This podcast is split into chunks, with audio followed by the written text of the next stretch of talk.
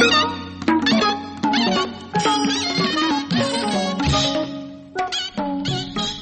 ေ့ဆုံမေးမြန်းခွင့်ပေးတဲ့လူ့ဘောင်သစ်ဒီမိုကရက်တစ်ပါတီဥက္ကဋ္ဌဦးအောင်မိုးဇော်၊ပြည်သူ့ပါတီရဲ့ဒုတိယခေါင်းဆောင်ဦးရဲနိုင်အောင်တွေ့ဆုံမေးမြန်းခွင့်ပေးတာကျေးဇူးတင်ပါတယ်။အခုကျနော်တို့တွေ့ဆုံမေးမြန်းတဲ့အချိန်ကလည်းနိုဝင်ဘာလရက်နေ့ကြားဖြတ်ရွေးကောက်ပွဲတွေကျင်းပတော့မယ့်အချိန်မြန်မာနိုင်ငံမှာလစ်လပ်နေရာနေရာအတွက် လွှတ်တော်ကိုယ်စားလှယ်တွေ၊တိုင်းရင်းသားပါတီတွေ၊နောက် တခြားနိုင်ငံရေးပါတီတွေနဲ့ တသီးပုဂ္ဂလ ကိုယ်စားလှယ်တွေ စုစုပေါင်း ကျော် ယောက် ယှဉ်ပြိုင်တော့မယ့် အခြေအနေ။ဒီအခြေအနေမျိုးနဲ့ တိုက်ဆိုင်တော့ ဦးအောင်မိုးဇော်ကို ပထမဦးဆုံး စမေးချင်ပါတယ်။ဒီကြားဖြတ်ရွေးကောက်ပွဲနဲ့ ပတ်သက်လို့ လူ့ဘောင်သစ်ဒီမိုကရက်တစ်ပါတီအနေနဲ့ ဘာတွေပြင်ဆင်ထားပါသလဲ။ဘယ်နေရာမှာ ဝင်ရောက်ရွေးချယ်ဖို့ စီစဉ်ထားပါလဲ။ကျနော်တို့တော့ တစ်နေရာပဲ ဝင်ရောက်ယှဉ်ပြိုင်မှာ ဖြစ်ပါတယ်။ကျနော်တို့ အဓိကတော့ မြင်းခြံမှာ ပြည်သူ့လွှတ်တော်ကိုယ်စားလှယ်နေရာ။အဲဒီနေရာမှာဝင်ရောက်ယှဉ်ပြိုင်မှာ ဖြစ်ပါတယ်။၂၀၁၅ ရွေးကောက်ပွဲတုန်းကလည်း မြင်းခြံမှာတစ်ခါ ယှဉ်ပြိုင်ခဲ့ဖူးတယ်။ဒါဒုတိယအကြိမ်ပေါ့။ပြည်သူ့ပါတီကတော့ ဦးကိုကိုကြီးတို့ မကြာသေးခင်တုန်းက စပြီးတော့ တည်ထောင် တရားဝင်မှတ်ပုံတင်ခဲ့တဲ့ ပါတီပါ။ဒီကြားဖြတ်ရွေးကောက်ပွဲမှာပြည်သူ့ပါတီအနေနဲ့ ဘယ်လိုကြိုတင်ပြင်ဆင်တာမျိုးတွေ ရှိပါသလဲ။တကယ်တမ်းပြောရင် ပြည်သူ့ပါတီအနေနဲ့ကတော့ ပြည်သူ့ပါတီရဲ့ ကိုယ်စားလှယ်အနေနဲ့ဝင်ခွင့်မရှိဘူး။ဘာဖြစ်လို့လဲဆိုတော့မှတ်ပုံတင်ခွင့်ကျတဲ့အချိန်မှာ ကိုယ်စားလှယ်လောင်း တင်သွင်းရမယ့် နောက်ဆုံးသတ်မှတ်ချက်ကို နောက်ဆုံးရက် သတ်မှတ်ချက်ကို ကျော်သွားပြီ။အဲဒါကြောင့် ကျနော်တို့က သို့သော် ဒီကြားဖြတ်ရွေးကောက်ပွဲသည် ၂၀၂၀ မတိုင်ခင် နောက်ဆုံးလုပ်တဲ့ ကြားဖြတ်ရွေးကောက်ပွဲ ဖြစ်ဖို့များတဲ့အတွက် ကျနော်တို့ပါတီအနေနဲ့ ရွေးကောက်ပွဲ အတွေ့အကြုံလည်းရအောင်။နောက်ရည်ရွယ်ချက်တစ်ခုကတော့ ဒေသကို ကိုယ်စားပြုတဲ့ အထူးသဖြင့် လူငယ် ဒီလိုကိုယ်စားလှယ်မျိုးတွေ ရှိတယ်ဆိုရင် ဒီလိုကိုယ်စားလှယ်မျိုးတွေ အားပေးမယ်ဆိုတဲ့ မူဝါဒလည်းရှိတယ်။ဒီမူဝါဒနဲ့အညီ မင်းဘူးတိုင်းဒေသကြီး အမှတ် မဲဆန္ဒနယ်မှာ သင့်တော်တဲ့ ကိုသိန်းထက်ဝေဆိုတဲ့ လူငယ်တစ်ယောက်တွေ့တဲ့အတွက် သူက တသီးပုဂ္ဂလအနေနဲ့ ဝင်တယ်ဆိုတာကို ကျနော်တို့ သိတဲ့အတွက် ဒီတသီးပုဂ္ဂလ ကိုယ်စားလှယ် ဦးသိန်းထက်ဝေရဲ့ အောင်နိုင်ရေးကို ကျနော်တို့ပါတီကနေ ဝိုင်းရံအားပေးနေပါတယ်။နိုင်ငံရေးအရ ဒါကတော့ ပကတိအရှိတရားပေါ့။ NLD အမျိုးသားဒီမိုကရေစီအဖွဲ့ချုပ်နဲ့ ဒေါ်အောင်ဆန်းစုကြည်အပေါ်မှာ လူထုရဲ့ ထောက်ခံမှု၊အရင်ရွေးကောက်ပွဲတွေမှာလည်း အပြည့်အဝရှိခဲ့တာ သူတို့ ထောက်ခံမှုတွေ ပြခဲ့တာတွေ ရှိပါတယ်။ အဲဒီတော့ ကိုယ့်သက်ဆိုင်ရာ ရွေးကောက်ပွဲဝင်တဲ့ နယ်မြေတွေမှာ လူထုကတကယ်တမ်း ကိုယ့်ပါတီကို မဲဆန္ဒပေးနိုင်တဲ့ အနေအထားမျိုးတွေ တွေ့ရပါသလား။ကျနော်တို့ တစ်လကျော်ကျော် နှစ်လလောက် Campaign လုပ်ပြီးတဲ့အခါကြတော့ ကျနော်တို့နဲ့ ပတ်သက်လို့ မြို့ပေါ်လူထုရဲ့အသံ၊နယ်လူထုရဲ့အသံက ကျနော်တို့နဲ့ ပတ်သက်လို့ စိတ်ဝင်စားမှု အရမ်းများလာတယ်လို့ ပြောလို့ရတယ်။အဲဒီမှာနှစ်ချက်သုံးချက် ရှိတယ်လို့ ကျနော်ထင်တယ်။တစ်တချက်က ၂၀၁၅ ပြီးကတည်းက အခုအချိန်အထိ နှစ် နီးပါး အဲဒီဒေသမှာရှိတဲ့ ပြည်သူ့လွှတ်တော်ကိုယ်စားလှယ်တွေရဲ့ Performance အဲဒါကို သူတို့ဒေသလူထုက အသိဆုံးပဲ။ဒုတိယတစ်ခုက ဘာလဲဆိုတော့ ကျနော်တို့ယှဉ်ပြိုင်တဲ့ကိုယ်စားလှယ်၊ကျနော်တို့ကိုယ်စားလှယ်ရဲ့ Team ဒီ Team က ဒီဒေသအပေါ်မှာ သို့မဟုတ် နိုင်ငံရေးလှုပ်ရှားမှုတွေထဲမှာ ဘယ်လောက်အထိ ထဲထဲဝင်ဝင် လုပ်ခဲ့သလဲ။ဘယ်လောက် သူတို့ဒေသရဲ့ လူထုအပေါ်မှာ တကယ်ပဲ ရပ်ခံပြီးတော့ ကြိုးစားခဲ့သလဲဆိုတာ အဲဒီဒေသလူထုက အသိဆုံးပဲ။ သက်ဆိုင်ရာ ကိုယ်စားလှယ်ရဲ့ ဒီဒေသအပေါ်မှာ ဘယ်လောက်အထိ လွှမ်းမိုးနိုင်သလဲ။သူ့ရဲ့ သြဇာရှိမှု။ဦးရဲနိုင်အောင် ဘယ်လို သုံးသပ်ပါလဲ။စိတ်ဝင်စားစရာကောင်းတာကတော့ ကိုအောင်မိုးဇော်တို့ရဲ့ လူ့ဘောင်သစ် ဒီမိုကရက်တစ်ပါတီရဲ့ လွှတ်တော်ကိုယ်စားလှယ် အနေအထားနဲ့ ကျနော်တို့ ဝိုင်းရံအားပေးနေတဲ့ တသီးပုဂ္ဂလကိုယ်စားလှယ် အနေအထားလေး တူတာလေးတွေ ရှိတယ်။နံပတ်တစ်အချက် လူငယ်ဖြစ်တယ်။နံပတ်နှစ်အချက် သူက ဒီဒေသရဲ့အကျိုးအတွက်ကို ပရဟိတလုပ်ငန်းတွေ ဆောင်ရွက်ခဲ့တယ်။အဲဒီတော့ ဒီဒေသက ဒီလူငယ်အပေါ်မှာ ကောင်းကောင်းအသိအမှတ်ပြုတယ်။လူငယ်ဖြစ်သော်ငြားလဲ လေးစားတယ်။သူ့အသိုင်းအဝိုင်းလေးက ရှိထားပြီသား ဖြစ်တဲ့အတွက် လူထုရဲ့ ဒီကိုယ်စားလှယ်နဲ့ ပတ်သက်ရင် မဲဆွယ်စည်းရုံးဟောပြောမှုအပေါ် တုံ့ပြန်ချက်သည် အရမ်းအားကောင်းတယ်။ရွေးကောက်ပွဲ နိုင်တယ်၊မနိုင်ဘူးဆိုတာတော့ ဦးရဲနိုင်အောင် ပြောသလိုပဲ ရွေးကောက်ပွဲမှာ အဖြေထွက်မယ်။ဒါပေမဲ့ ရွေးကောက်ပွဲမှာ နိုင်ခဲ့သည်ထားအုံးတော့ ကျနော်တို့က ပြည်ထောင်စုလွှတ်တော်အတွင်းမှာ၊ပြည်နယ်လွှတ်တော်တွေအတွင်းမှာ အပြောင်းအလဲတွေ ဖြစ်လာဖို့ဆိုရင် ပါတီရဲ့အသံ၊ပါတီရဲ့ ကိုယ်စားလှယ်လောင်းတွေ လိုပါတယ်။အခုဟာက မြေစမ်းခရမ်းပျိုးသဘောမျိုးတစ်ဦးတစ်ယောက် ကိုယ်စားလှယ်လောင်းတစ်ယောက်စီပဲ ထည့်ပြီးတော့ ယှဉ်ပြိုင်ရတာမျိုးဆိုတော့ အနိုင်ရခဲ့ရင်ကော တကယ်တမ်း နိုင်ငံရေးပါတီကြီးတွေကြားမှာ ကိုယ့်ပါတီရဲ့အသံက လွှမ်းမိုးနိုင်မှု ထိရောက်နိုင်မှု ရှိပါမလားခင်ဗျ။ကျနော်တို့အနေနဲ့ဆိုရင်တော့ ကျနော်တို့ ရည်ရွယ်တာပေါ့နော်။ကျနော်တို့ရည်ရွယ်တာကတော့ ဟုတ်ပြီကျနော်တို့ဒီရွေးကောက်ပွဲမှာ ကျနော်တို့ နိုင်ခဲ့ရင် ကျနော်တို့ တနေရာရမယ် ပြည်သူ့လွှတ်တော်။အနိမ့်ဆုံးအဆင့် မြင်းခြံနယ်မှာရှိတဲ့ တရားမမျှတမှုတွေ။စည်ပင်လို ကိစ္စမျိုးတွေက တချို့ ပွင့်လင်းမြင်သာမှု မရှိတဲ့ဟာတွေ တချို့ Power Abuse လုပ်နေတဲ့ ကိစ္စမျိုးတွေ နယ်တွေမှာ အခုနလို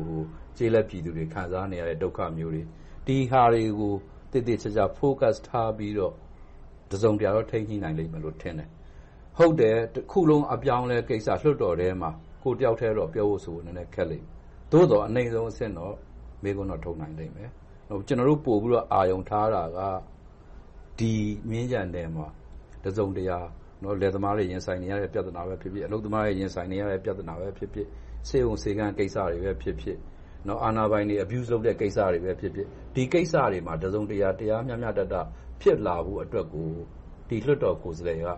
ရှိပြီသား ဥပဒေစည်းမျဉ်းစည်းကမ်းတွေနဲ့အညီ ထိန်းညှိနိုင်လိမ့်မယ်လို့ ကျနော်ယူဆတယ်။ဒါဆိုရင်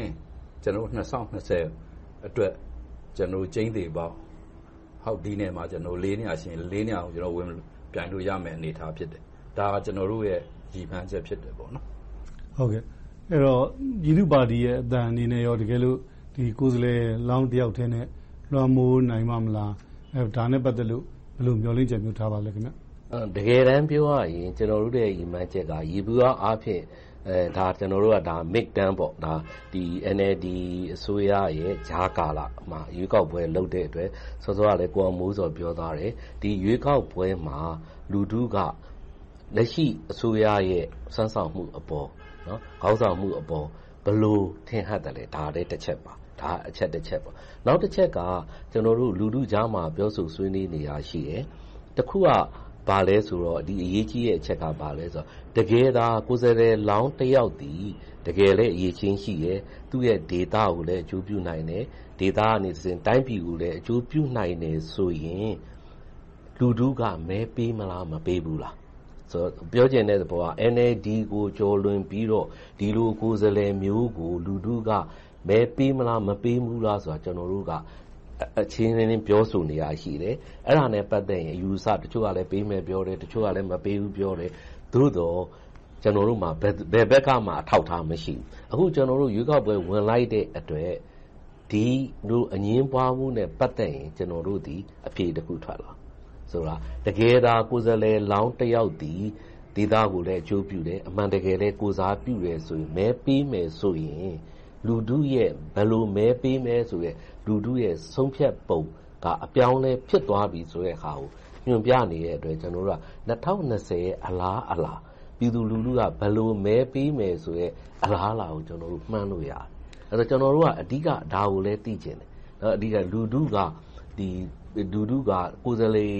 လောင်းတွေကို ရွေးတဲ့အခါမှာ ဘယ်လိုစံ ပေတံတွေနဲ့ ရွေးမလဲဆိုတာကို ဒီရွေးကောက်ပွဲကတစ်ချက်ပြနိုင်တယ်။နောက်တစ်ချက်က လက်ရှိအစိုးရရဲ့ Performance နဲ့ ပတ်သက်လို့ လူထုက ဘယ်လိုဆုံးဖြတ်တယ်၊ဘယ်လိုသုံးသပ်တယ်ဆိုတာကို ဖော်ပြမယ်လို့ ကျနော်က အဲဒီလိုပဲ ယူဆတယ်။အဲဒီတော့ မဲဆွယ်စည်းရုံးတာနဲ့ ပတ်သက်လို့ နိုင်ငံရေးပါတီကြီးတွေနောက်အခြေကျနေတဲ့ နိုင်ငံရေးပါတီကြီးတွေ ငွေအားလူအား သုံးနိုင်တဲ့ ပါတီကြီးတွေနဲ့ ယှဉ်ပြိုင်တဲ့အခါမှာ